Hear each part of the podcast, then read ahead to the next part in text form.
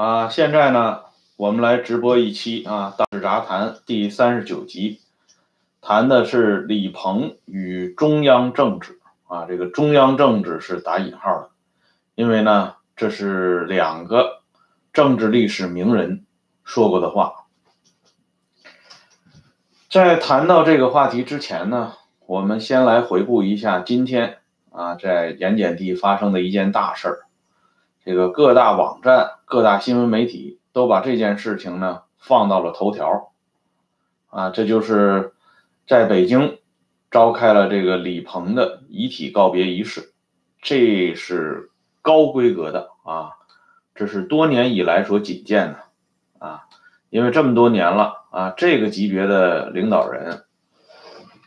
死的比较少少啊，这李鹏呢，应该说这是这。十几二十年啊，至黄菊以后啊，这是另外一个。再者说呢，黄菊跟李鹏的地位是无法相比的啊。看今天的这个新闻呢，想必大家应该注意到一点，那就是已经九十三岁的啊江泽民呢，携他的夫人王冶平也出席了李鹏的告别仪式啊。这个情景呢。让很多人感到吃惊，因为照理来讲，第一号人物出席第二号人物的这种啊告别仪式或者是追悼大会，在历史上来说呢，都是不多见的啊。比如说当年七六年周恩来死了以后，毛泽东就没有去。呃，有一种解释是说毛自己的身啊身体不行。但事实证明呢，毛那个时候如果仅仅去参加一场追悼会，这个身体还是能够扛得下来的。但是毛呢仍然没有去啊，毛不仅没有去，而且呢还说了一些绝情的话。当然了，这并不耽误啊毛作为一代影帝，他呢派自己的老婆江青，呃前前往参加这个周恩来的这个告别仪式，而且呢有目击者啊记载。江青是第一个到场的，所以到场以后呢，他与邓颖超拥抱痛哭，而这段历史呢，却很少予以披露啊，两个人哭成一团啊，啊，非常伤心啊。江青跟这个邓颖超是又贴脸又拥抱，简直啊亲热的就跟这个啊亲人一样，表演的都相当到位。接下来呢，我们知道这个。啊，邓小平、陈云时代啊，陈云呢死在九五年，邓小平死在九七年啊。九五年，呃十月份的时候，邓小平还露过脸而陈云呢是死在九五年四月份，而陈云的追悼会呢，邓小平当然也没有参加啊。而且呢，看这个邓小平年谱，我们也知道，在陈云患病期间呢。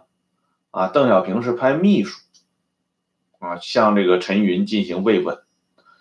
比照啊，聂荣臻和彭真在患病期间，邓小平是派夫人卓琳啊前往看望。这两者的这个规格一相对比呢，也能看出这个邓陈之间的关系，应该呢是仅仅限于工作关系，两个人之间私下的交往几乎是没有的。啊，私交很泛泛，很平常，所以呢，在这个陈云患病的时候，才会出现啊，第一号人物仅仅是派秘书王瑞林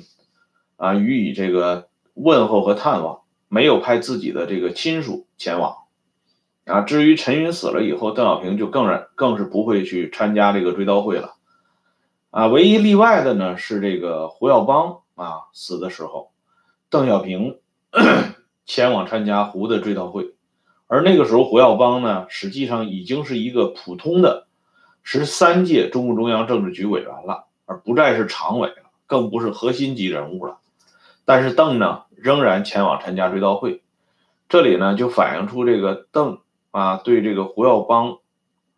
多多少少还念了一点旧啊。虽然他亲手打倒了胡呢，但是为了啊平息外间的误议，以及呢啊本人和胡耀邦。之间的这些历史的渊源要做一个总结性的交代，所以邓还是前往参加胡耀邦的追悼会。再一个呢，我给大家看一个啊，这个回忆录，刘英，这是张闻天的夫人刘英的自述啊。老太太晚年写了本回忆录，在这个回忆录里边呢，提到这么一段话，就是说当时呢，张闻天的追悼会要在北京召开，陈云从外地带过来话，说如果追悼会稍微推迟一点啊，我一定要赶回来参加。后来呢，追悼会就按照陈云的意思啊进行了推迟，陈云呢也就亲自啊参加了这个张闻天的追悼会。陈云和张闻天之间呢，因为当年在白区的时候同为中共中央临时政治局的常委之一，两个人又都是这个江苏人啊，可以说是同乡同志啊，同时也是战友，两个人这个有很多观点比较相近啊。再一个呢，是大家可能不知道的，因为这个陈云和张闻天之间呢，这两个人还有一点准亲戚的关系。为什么这么说呢？因为陈云最喜欢的秘书王鹤寿啊，我们都知道啊，陈云后来因为王鹤寿的任命问题，同胡耀邦啊差一点翻脸啊。胡耀邦呢和王鹤寿的关系，陶铸的关系是非常好，号称桃园三结义啊，他们只不过是叫延安三结义。但是在王鹤寿担任啊中纪委这个重要领导职务的时候，胡耀邦是投了反对票的，认为王鹤寿这个人呢，生活作风比较散漫啊，不适合担任中纪委这么重要的职务。陈云呢，以至于啊给胡耀邦做了下马威，以辞职相要挟啊。陈云呢说，如果不让王鹤寿进中纪委的话，那我这第一书记我也不干了。可见呢，陈云对王鹤寿的这种器重。和依赖程度，而王鹤寿的六弟王梅征，啊，就是担任过张闻天的秘书。也就是说，陈云的秘书王鹤寿与张闻天的秘书王梅征，他们之间是兄弟关系。啊，这两个人呢，都有一个共同的侄女，啊，就是坊间沸沸扬扬传闻的那位啊，著名的老大姐王坤，原来担任东方歌舞团的这个负责人的王坤。王梅增呢，后来担任过上海市财政局局长，所以因为这样的关系呢，这个陈云与张闻天他们两个人的这个交往更近了一层，所以陈云坚持啊要把追悼会推迟一下，他亲自来参加。我为什么举这个例子呢？因为在今天李鹏的追悼会上面，我们看到了啊很有意思的一幕，就是胡锦涛人在外地，啊没有参加，送了花圈。啊，从陈云的这个例子，我们就能看出来啊，如果胡锦涛真的想参加这个李鹏的告别仪式的话，说实话，以今天的这个，啊，这个方便的条件啊，胡锦涛那是有专机的，哎，那分分钟就可以赶回来。想参加太容易了，但是呢，胡没有参加。当然，这里可能真的原因就是人家在外地不方便回来。啊，但是呢，胡锦涛现在七十七岁的这个年龄，和这个当初啊，这个，嗯，呃，陈云的这个年龄实际上是差不多的啊。而且陈云那个时候的身体，想必还没有今天胡锦涛身体这么好啊，医疗条件也没有今天这么厉害。但是呢，还是没有回来参加。除了胡锦涛以外呢，曾经与这个。李鹏共事过的，啊，两个人呢，就是等于说是前后届吧，啊，而且一一起搭班子也搭了很久的，朱镕基，这朱镕基人就在北京，也没有参加追悼会，啊，同时呢，还有跟李鹏啊两度一起这个在政治局常委会里，啊，做过同事的李瑞环也没有参加。啊，似乎呢，这个十五届中共中央政治局常委李兰清也没有参加，所以呢，这个李鹏的这个追悼会呢，从他们当年那个江里的那套班子里边，这几个硕果仅存的，好像只有江泽民啊出席了，胡锦涛、李兰清啊，这个李瑞环、朱镕基都没有参加。剩下的那几个，因为早都已经走了，那想参加也没办法啊。所以这个现象呢，是一个挺值得关注的现象。而且呢，之前有人在网上啊发布新闻，这个新闻我们没有进行考实啊，说这个李鹏自己家搞的这种啊私人性质的吊唁的灵堂呢，去的人也不太多。这也如果这个事情是真的的话，它也反映了一个啊情况，就是说，这个爱因斯坦在悼念居里夫人的时候，曾经说过这样一句话，他说：“第一流人物对于时代和历史进程的意义，在道德品质方面，也许比单纯的才智成就方面还要大。”换句话说呢？就是这个人啊，政治人物，他做的很多名山事业，可能随着时间的推移呢，已经逐渐被大家所淡忘。但是这个人在道德品质方面留下的点点痕迹呢，却一直是人们啊评论张体的重要的对象和话题。因此呢，我们从这个角度来评判李鹏的话。李鹏算不上第一流人物啊，因为他无论是他的所谓的名山事业、三峡大坝和天安门事件，还是他个人在道德品质方面的取向，以及他的家属留给人们的印象，这三个方面，他都是不及格的。所以呢，这个官场上又盛行着“人走茶凉”的这种话啊。即使是在中国古代，啊，我们都知道有一有一个著名的啊，这个呃官场的谚语，叫“夫人死了压断街，老爷死了没人埋”。啊，这个话的意思就是说，这个当大官的啊，他的太太如果走了，那么就会有很多人蜂拥而至进行悼念。啊，所谓悼念死人是演给活人看的，因为这老爷还还在，靠山还在。可是老爷如果一旦走了的话，那就不会有什么人来了，因为这个冰山一倒嘛，哎，大家看活人已经没什么意义了。最明显的例子啊，我们都知道，在这个清末执政长达四十多年的那拉氏，他就亲身经历过这种凄楚的啊境遇，他老爹惠惠增。啊，作为这个四品官的道员，啊死了，然后呢，他们娘仨啊就被人家就给扔在一边，没人管了。啊，后来呢，还是吴唐啊等等吧，啊，这个阴差阳错之际，施以援手，让他们度过了这个最尴尬的这个情况。从这个例子我们就看出来，官场流行的这句谚语，它不是空穴来风。所以呢，这个反馈到今天的这个情况啊，我们也可以看到，李鹏的这个私人吊唁的这个场面，其实还赶不上当年薄一波的那个场面，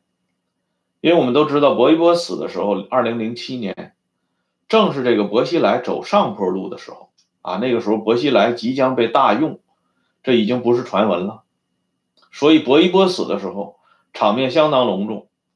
啊。很多这个高级领导人都是倾巢出动，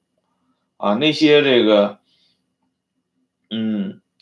呃，一些这个原来的这些高级干部的家属呢，啊，也都这个到场，用现在时髦的话讲，刷一下存在感，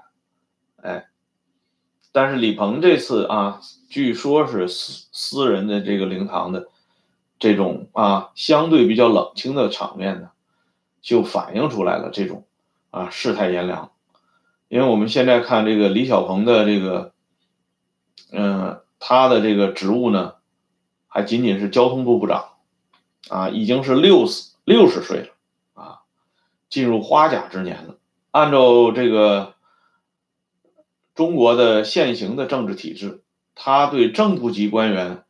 啊，当然是比较放宽的，啊，可以干到六十五岁。也就是说呢，再有啊两到三年的时间，如果李小鹏不能顺利的进入党和国家领导人的序列，就是中共中央书记处和中共中央政治局。那么呢，他未来的这个结局呢，很有可能和刘源差不多，安排到人大啊去当个担任个副主委或者是主委，也就了结了他的政治生涯。因此呢，啊，这李鹏的追悼会 没有薄一波的追悼会那么热闹，也就可想而知了。因为官场信奉的就是这套东西。说了这么多以后呢，哎，有的朋友就说啊，那些老家伙啊，可能都站不起来了，不方便到场。这当然也是一个啊最冠冕堂皇的啊这个说法啊，但是我个人认为这种说法是比较牵强的啊。事实上呢。他即便是不到场，他想在新闻里边露一脸也是完全没有问题的。啊，当年这个四五运动的时候，啊，张春桥、姚文元在人民大会堂指挥前，这个指挥在前台指挥，姚文元就专门啊向这个中央广播电台啊和这个人民日报的负责人交代过，说我们的。春桥和我的这个啊，呃，讲话要往前面排，啊，要把我们两个人的讲话放到醒目的地方，所以下边马上就照办。哎，姚文元当时虽然是舆论总管，但是他毕竟啊，只是一个普通的政治局委员，啊，他地位很特殊，但他也仅仅是普通的政治局委员，而朱镕基、李瑞环这都是担任过啊，特别是李瑞环。那是二点五届啊，政治局常委啊，他和江泽民一样被选拔进常委会，都是在十三届四中全会上面啊。他即便是人不到场，如果他打个招呼啊，要把李瑞环的名字写上，想必不是什么难事儿啊，对不对？哎，但是呢，我们看了一下新华社的这个通稿，这里边是没有的啊，应该说这不是疏漏。这是肯定没有任何表示，所以新华社的通稿当中才没有这几个人的名字啊。如果仅仅是这个人在外地，或者是人身体不舒服，我认为这种解释是说不通的。胡锦涛为什么没去？刚才已经解释过了，这里不再重复了啊。现在呢，我们就来说一下这个中央政治。啊，关于这个中央政治呢，我们现在知道的这个出处呢，是周恩来说的，啊，是邱会作回忆录里边提到的，就是当这个邱会作他们被选进九届中共中央政治局的时候，周恩来曾经啊亲切的叮嘱过他们，你们现在呢就是要熟悉啊，了解中央政治。这黄永胜、邱会作他们这几大金刚就问啊。什么是中央政治？周恩来就说呢，中央政治就是处理好主席、林副主席和江青同志之间的关系。所以这几个人呢，啊，背后都偷偷笑了，说这叫什么中央政治啊？啊咱们以为这中央政治是多么玄妙的事情，哪知道就是处理好这三个人的关系。而那个时候呢，邱包括邱会作在内，他们都没有意识到啊，他们实际上已经走到了悬崖边上。他们还是踌躇满志啊，志得意满，以为呢这个已经是政治局委员了，黄袍加身了，啊，端上了铁饭碗，可以一直呢沿着这康庄大道走下去，甚至可以说是世袭罔替啊，富贵尊荣就这么一直香烟不替了。可是没想到呢，啊，过了仅仅是不到两年的时间，他们就被打入另册。啊，又过了几年以后呢，他们直接就被送上了法庭。所以呢，当他们最后啊身陷囹圄之际，回想起这个周恩来所说的这个中央政治，啊，他们都是追悔莫及呀，啊，说完全没有理解好这个总理当年说这番话的苦心孤诣。事实上呢，周恩来说这番话啊，这是邱会作回忆的，他最早说这番话其实不是在。啊，上个世纪六七十年代，他在上个世纪三十年代的时候就说过这样的话，只不过呢，当时周恩来说的这个话呢，啊，说的比较玄妙啊。他说呢，中央政治局啊，说白了就是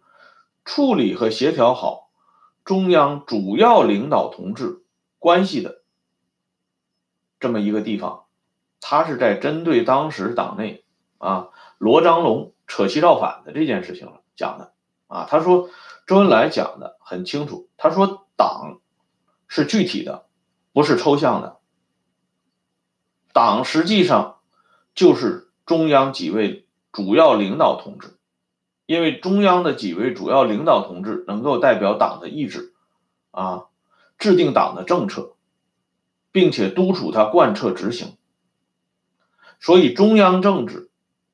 就是要处理好啊，中央几个主要领导同志这个工作关系，保证我们这个政策的制定实施是进入到一个顺利的轨道中去。而且，周恩来呢还强调，他说的这个话不是他个人的发明，这是斯大林同志说过的。斯大林同志做过专门的指示的，可见呢，中央政治这个发明权呢是在俄国人手中，是在苏共中央的啊这个总秘书斯大林同志那里。事实呢也证明了啊，斯大林包括他的复述者周恩来说的没有错啊，这个。中国的这个高层的政治，其实就是高层人物之间的人际关系，啊，这也就是为什么啊，中国这么多年来，这个始终走不出循环的这个圈子的原因。大家所有的精力、时间，甚至他的这个聪明才智、他的视野、眼光、手段等等吧，一切有效的资源。都浪费在处理这个人际关系上面，做不做事啊，其实都不重要，关键是把这种关系处理好，啊，把可能出现啊分裂决裂的苗头压制住，这样呢，这个人啊，就像这个清朝的那个官场上很有名的那个啊那个顺口溜讲的啊。这个无事文端，便似文公啊，就是说这个人呢，啊，活着的时候可以进入庙堂，死了以后呢，顺利的进入八宝山啊，而且是一定被呃这个放在最显赫的这个骨灰安安置的这个位置。李鹏就是一个最典型的例子，这个人实际上是身无长技。啊他的这个，呃，西方当时呢给李鹏，包括江泽民，啊，定义是技术官僚。这种是西方人的称呼，实际上，这个技术官僚的这种称呼放在江泽民、李鹏身上一丁点儿都不都不合适，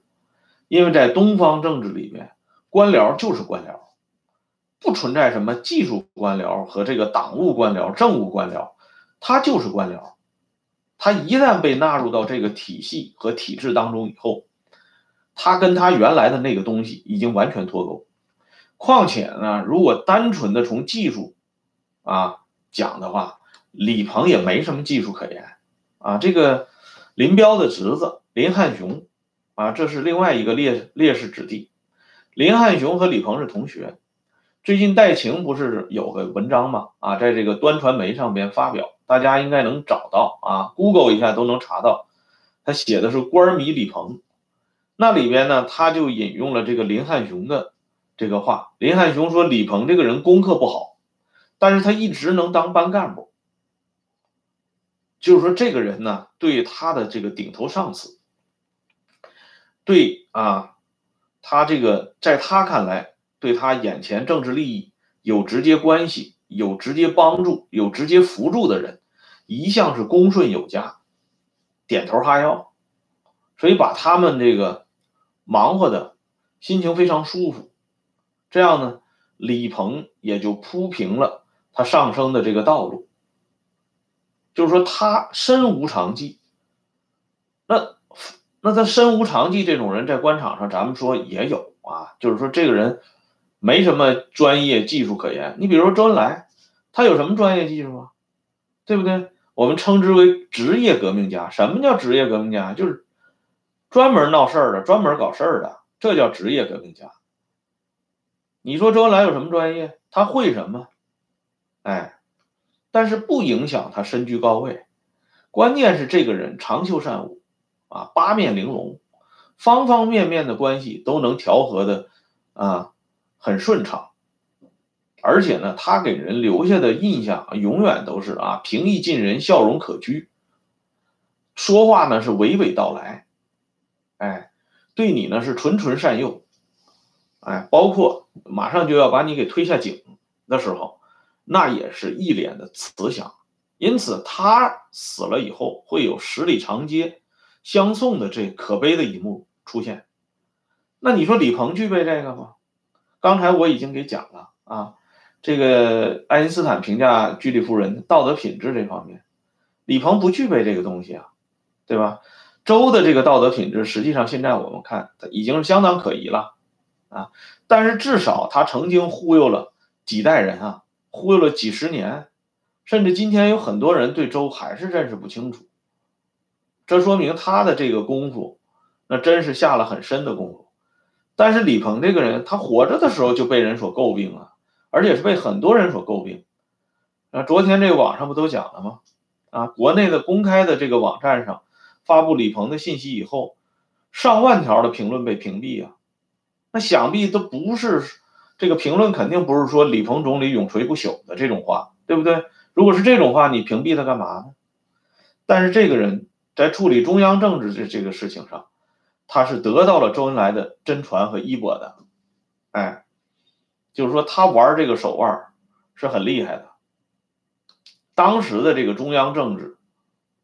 啊，说实话，指的是谁呢？就是指的处理好邓小平、陈云、李先念这三个人。关于这一点呢，赵子阳生前有过一个具体的回忆。他说呢，邓陈李看的呢是三驾马车，但实际上这里啊拍板的就是邓小平和陈云。很多大事儿啊，邓小平和陈云两个人决定了，那这个事儿也就定了。他说，有的人呢，邓小平喜欢，就把他提上来，用过一段以后呢，邓认为这个人不行啊，就又把这个人拿下去。他说：“实际上，这种啊高级干部、高级领导人的去留，都是掌握在邓小平和陈云手中。所以赵子阳自己说：‘他说我虽然是总书记，但是我能决定中宣部部长的位置吗？我能决定中组部部长的位置吗？’同时他还说到这个胡耀邦，他说胡耀邦是总书记的时候，他能决定谁来担任总理，甚至谁来担任副总理吗？”这是不可能的，啊，所以呢，那个时候，陈云呢就经常鼓噪，啊，让赵子阳呢，啊，开会，啊，你，他要求赵子阳你要开会，你开会呢，我们就有一个讲话的地方。陈云是很喜欢强调这个合法性的，啊，就是说我们这些人不是垂帘听政啊，我们是这个，啊，老一辈无产阶级革命家。我们是有合法地位的，啊，我们讲话也是要到合法的场所，最后进行合法的表决，形成合法的决议，啊，他是强调这个程序的，当然这个程序也就是程序而已，没有什么程序正义之说，啊，可是邓呢不管这一套，邓就是告诉赵子阳不要开会，开什么会呀？有事儿我跟这个陈云同志碰一下就行了，啊，不要搞这些繁文缛节，所以呢。赵子阳就是两大之间难为小，很为难。最后呢，他就直接告诉陈云，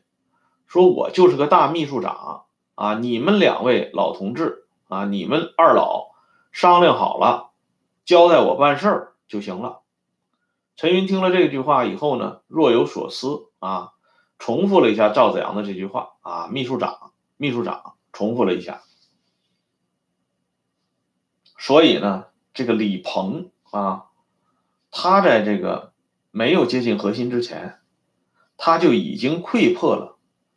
这一层的要素。所以当时呢，这个田纪云曾经有过回忆，他说在酝酿中共十三届中央政治局常委的时候，他和这个万里那都是当然的常委。可是这两个人谁都没进去。关于万里没进去的呢，这个杨继成在采访赵子阳的时候留下过口碑资料，因为那个时候呢，啊。这个党内几个元老啊，无非就是像薄一波呀、王震呢、啊彭真呢、宋任穷这些人，反对这个万里进入常委会。邓小平是支持万里的啊，邓喜欢万里。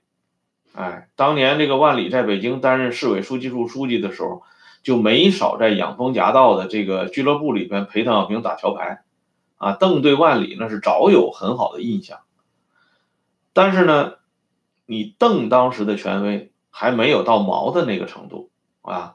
经常就是歪歪扭扭的写几个铅笔字啊，红蓝铅一写，请政治局一议啊，政治局的同志们议一议，什么议议啊？你就赶紧执行吧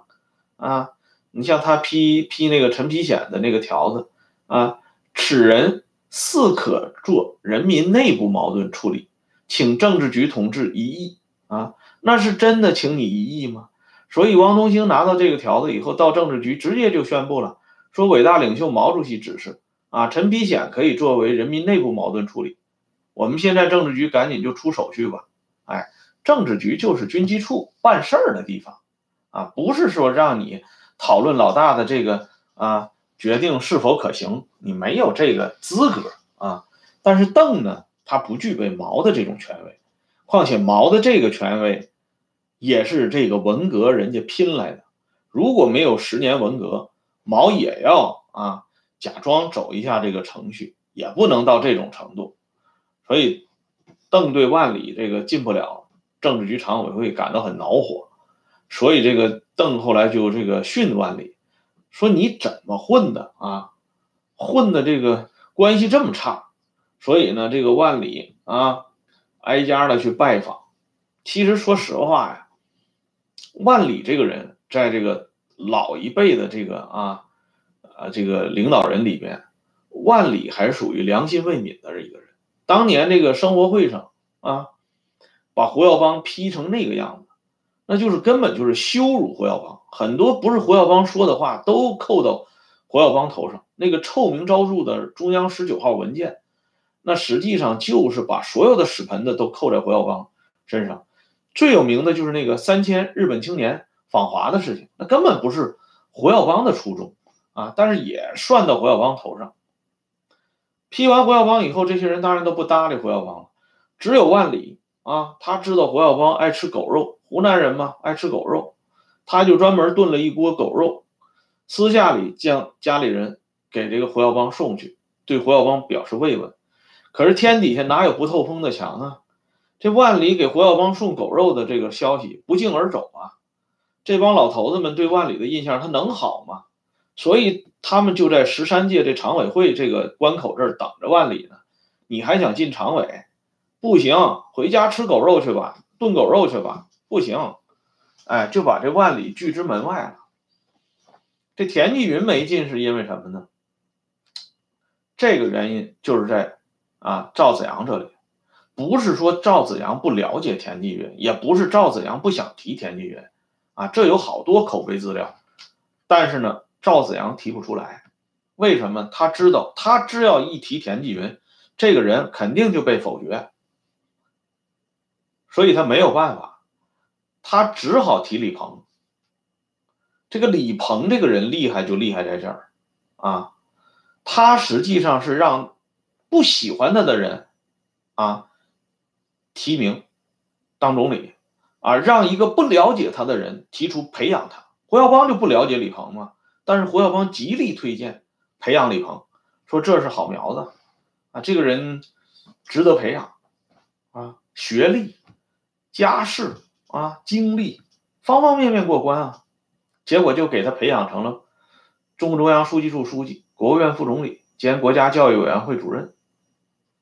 把教育搞得是乱七八糟，然后呢，人家又当上了总理，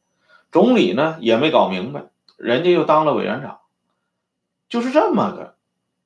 情况。就是李鹏这个人的手段，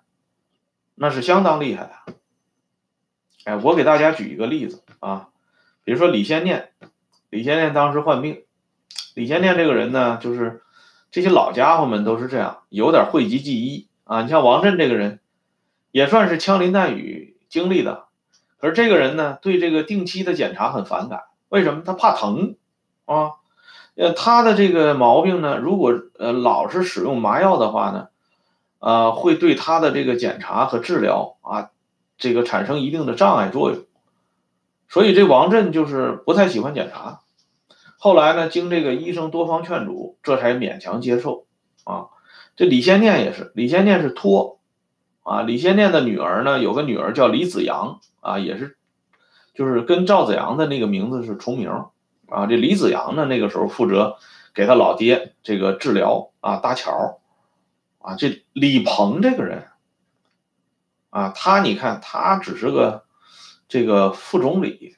啊，但是呢，在这之前就是个部长，但是人家对这个先念同志的身体那是非常关注的，啊，据这个当事人介绍，李鹏三次，啊，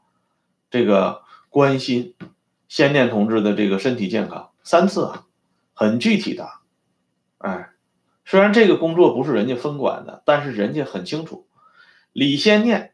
在这个三驾马车里边那是有一票的。赵子阳讲过，李先念在三驾马车里是最弱的，他是有影响力，但没有决定权。当时呢，在邓这个家里开会的时候，有人曾经这个公开描述过啊，这是可以查到的啊。至于准确不准确，我们不知道，我们这就是引用一下这个公开的这种说法。就是这个两个沙发都摆在中间，啊，邓小平、陈云一左一右坐着，这表示双峰政治。然后陈云的这一边坐着李先念，这就顺下来了，啊，就是说李先念这个地位和邓陈是没法比的。可是人李鹏啊，这个人厉害就在这儿，烧冷灶啊，你这个邓陈那肯定是要这个奔走的了。这不用说，但是李先念这个冷灶他也要烧，所以李先念对李鹏没有任何恶感。虽然最后啊，在这个这个选拔江泽民的问题上，这个李先念是附和陈云的意见，啊，同意江泽民进京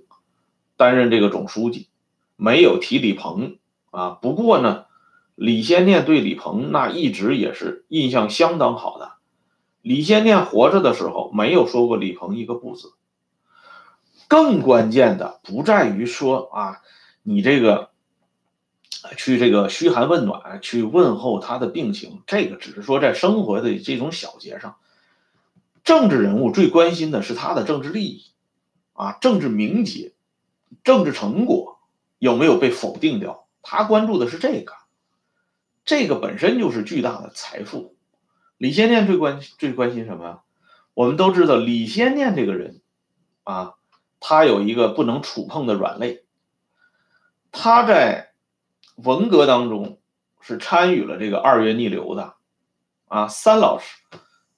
三老师帅嘛，这有李先念一票的，这是当年在怀仁堂的时候也跟着架秧子起哄来的，可是后来毛泽东啊龙颜大怒以后，这李先念痛哭流涕的检讨，这徐景贤的回忆录里边都讲到了啊，徐景贤说过。张春桥亲口跟这个徐景贤讲，说先念这么一个老资格的同志，检讨起来掉眼泪呀，态度太好了，这人不容易啊啊！所以呢，他们后来一直是把李先念当成就是虽然不是那种自己人嘛，也但是也算到自己的这个阵营当中，这是李先念在文革当中始终屹立不倒的这个主要原因。文革新贵对李先念没有恶感，啊，所以李先念得以在周恩来手下一直长期主持国务院的日常工作。所以呢，文革当中的很多的这个国家生产建设、经济建设方面的这个大政方针呢，都是周恩来、李先念定盘子的，当然还有个余秋里啊。所以呢，邓小平主导经济以后，对李先念的这些做法有所否定。李先念对邓小平的这些做法其实是不满意的。许家屯的回忆录里边详细的记载了这个事实，就是李先念曾经跟这个李家、跟这个许家屯当面发过这个牢骚啊，说你看啊，当年说我们这个杨茂进批我们杨茂进，那他们现在搞的不比我们大得多吗？特别是这个李先念啊，对这个国家纪委的工作，那一直抓的是很紧的。所以后来在批李先念的时候，余秋里这个人就属于啊见机行事啊，这个人就是属于脑子非常好使。他作为国家纪委主任呢，他主动出头啊，替这个李先念这个这个遮风的这个挡了挡了枪了啊，所以呢，这余秋里的国家纪委主任被陈云做主给拿下了，给了姚依林。啊，这姚依林当了国家纪委主任以后呢，这陈云心情非常愉快，他给陆定一专门写信呢。他说：“这个啊，姚依林一当了这个国家纪委主任，那这个关系全理顺了啊。呃，这就是说陈云这一派呢，在这个问题上是获胜了。李先念呢，就丢了这个国家纪委的这个大盘子。我们都知道，国家计划委员会在那个时候意味着什么。”你这国务院总理如果不能掌握国家计划委员会，你这个总理就是光杆司令。所以李先念对这件事情呢，实际上是耿耿于怀的。等到李鹏当总理的时候，李那时候就已经是一九八七年、八八年了。通过人大的时候，已经是一九八八年了。但是李鹏知道李先念有这个心结，因此呢，李鹏在在国务院主持工作期间，特别是在总结国家纪委以前的工作的时候，始终。不去触碰李先念的这个禁忌，啊，对李先念这个以往的领导的这些工作是多方照拂，给予高度的肯定和评价，这让李先念是心花怒放，啊，以前网上不讲过吗？人邓这个江泽民拎着大蛋糕啊，在风雨当中呃矗立啊，去迎接先念同志，那是另外一种关怀，就是说，无论是江泽民还是李鹏。只有在对李先念这个问题上摆正了自己的位置，处理好了这个中央政治，他们最后呢才能够啊成为新的这个双峰政治的领头人，江离体制的这个形成者。反过来，你看赵子阳，赵子阳固然是失宠于邓小平，可是呢，他首先是开罪于李先念。李先念对赵子阳是咬牙切齿啊，党内有两个人是最恨赵子阳的。一个是李先念，一个是王震，啊，这个赵子阳生前专门就回忆过，李先念不止一次的提出要倒赵啊，而那个时候邓小平还跟赵子阳交心呢，还准备到了八九年五月份的时候，邓小平把军委主席的职务也交出来，让赵子阳来，呃接替啊，而在这之前，李先念已经在下边做工作，要要要把赵子阳搞掉了，哎，所以就是说，在李先念这个问题上。李鹏的眼界，啊，咱们就说他这个玩弄权术的这个，是真的是高于这个赵子阳的，比赵子阳高出很多。赵这个人很大程度上，他是有很强的事业心的，他是要把这个经济建设这个事情始终装在心头上的。而李鹏不同啊，李鹏就像王震说的，王震说的很直白，王震那个时候不是批评邓丽群吗？他当着万少芬的面批评邓丽群，万少芬就是那个江西省委那个女书记，后来跟省长倪宪策两个人闹翻了，倪宪策呢就被万少芬给打翻在地了，判了刑了的。这个万少芬也是个有名的老左啊。这王震就说，就说邓丽群说你这个人清高啊，不行啊。王震说，我这个人最看重的就是权，没有权不行啊，没有权都是假的。哎，所以你看，李鹏就是属于啊，深得其中啊，这个三昧啊啊，很了解这个实质性的东西。他把这个权利啊看的是相当重要的，而且呢，他当了这个总理以后呢，还想再上一层楼，就是当总书记啊。因为在他看来呢，他经营了这么长时间，邓小平、陈云、李先念、邓颖超、王震啊、薄一波这些人，实际上呢，都是冲他微笑的。他认为是这个总书记这个事情呢，应该不是费很大周折的，啊，也是自己用了很多心思的啊。在天安门事件四月二十四号、二十五号、二十六号到二十六号的那个社论的出台之前，李鹏是做了很多细致入微的工作，而且他在这上面花的心思，说实话，赵子阳拍马也追不上，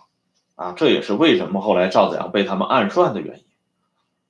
这也是为什么江泽民要礼遇啊，始终礼遇李鹏的原因，也是今天江泽民啊宁可让人搀扶着，也要到现场去这个送别一下李鹏的原因。李鹏在中央经营多年啊，啊，从八十年代中期就开始进入核心层，一直到这个二零零二年、零三年才放弃权柄，这长达将近二十年的时间里，盘踞高层啊。门生故吏遍于天下。江泽民在成为总书记之前，有两年多的时间，那是这个要要跟李鹏立正的。而在李鹏进入书记处和国务院总副总理的时候，江泽民那个时候不过是个部长啊。江泽民到了八七年成才成为政治局委员，而那个时候人李鹏已经是常委了。哎，所以他跟李鹏原来的关系那是上下级关系。不是这个啊，同志战友的这种关系，所以这个李鹏这个人在中央政治方面，那是很有一套的。应该说，在这一点上，他是学到了周恩来的一些真本事的。而且呢，他给人的感觉啊，我们我们经常讲啊，在这个政坛高层上混，他有两种办法，生存之道他有两种，一种呢是这个长桌啊。就把自己短处隐藏起来啊，不外示于人，让你感受不到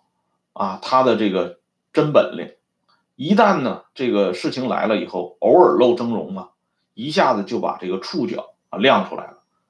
这个是用现在的话讲，不是亮剑吗？那就很吓人的。哎，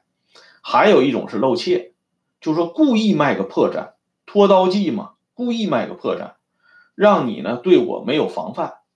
而在关键时候呢，也亮剑了啊！这李鹏就属于第二种露怯，他始终给人感觉就是一个木讷啊、蛮憨、平庸。这个人说话呢，啊也说不清楚，啊念稿子也念不利索。大家觉得这个人上来对任何人都没有威胁，所以呢，在这个这个人进入政治局书记处，甚至进入常委会的时候。没有人去投他的反对票，甚至包括赵子阳提名李鹏当总理的时候，说实话啊，不是赵子阳一个人提名的啊，这里要澄清一下，不光赵子阳一个人提名，好几个人提名李鹏啊进常委会，就是说，包括赵子阳提名李鹏的时候，同意李鹏进入常委会的时候，赵都没想到李鹏居然有啊取而代之的这种政治野心。这是一个啊，几乎啊，把所有人最后都蒙在鼓里的这么一个人，他悄悄的啊就进了村了，啊，悄悄的就爬上了高层，而且一旦上去了，还就不下来了。从今天他死了以后啊，这个规格也能看出来。降半旗这些东西就不讲了，徐向前死的时候还降半旗呢，啊，政治局委员死都降半旗，关键是他这种啊。死后对他的这个评价，对他在天安门事件中扮演角色的重新的肯定，这什么意思呢？就说李鹏甩下来的负资产，继续有人替他扛扛旗呀，没有落到这个空地上。有的人解读为说这是甩锅甩到李鹏身上，这是一种说法。但是我相信，更多的是借重新评价李鹏在这段历史中的这个角色。啊，而从而呢，对他的这个重新肯肯定，同时也是肯定了中央一如既往的在这方面的决策和决心。这是一种政治信号，是一种强硬的政治信号。只不过是通过李鹏的这个死表露出来了。由此可见，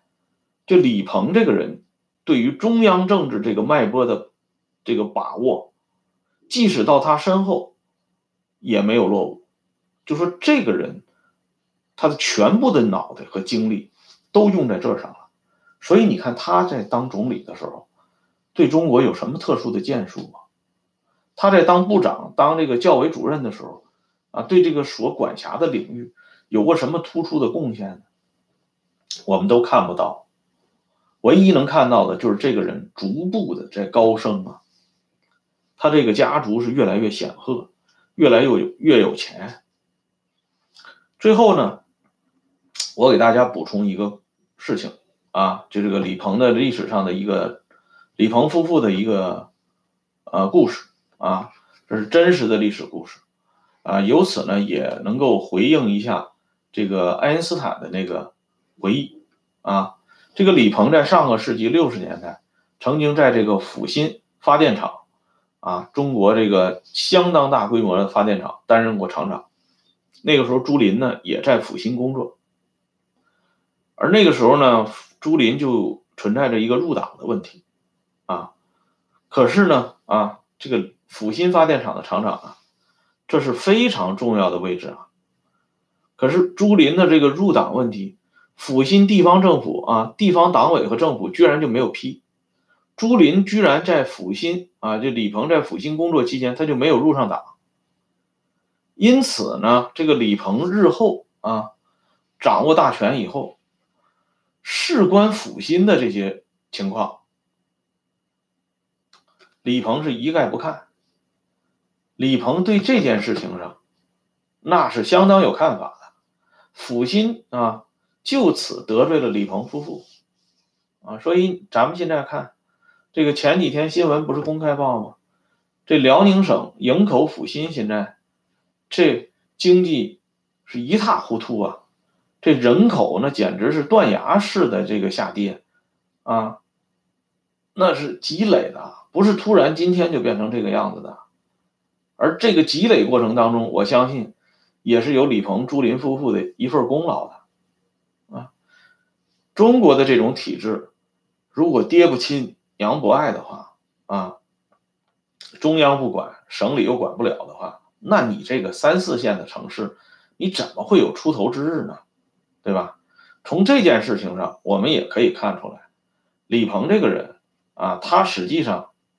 是把个人的得失。和这个工作是紧密挂钩的，哎，那以前那拉氏不有过一句名言吗？谁让我一时不痛快，我就让他一世不痛快，啊，这是被这个大家所唾骂的这么一句啊糟粕。可是呢，那拉氏的身后，他的这种继承人，那是没有绝后的，是乌泱乌泱的层出不穷的。哎，我们从这件小事上，也就可以看出，刚才这个爱因斯坦举的爱因斯坦评价居里夫人的这个例子，啊，这这段名言，李鹏算不上第一流人物，虽然他做到了第一流人物啊应该坐的这个政治位置上，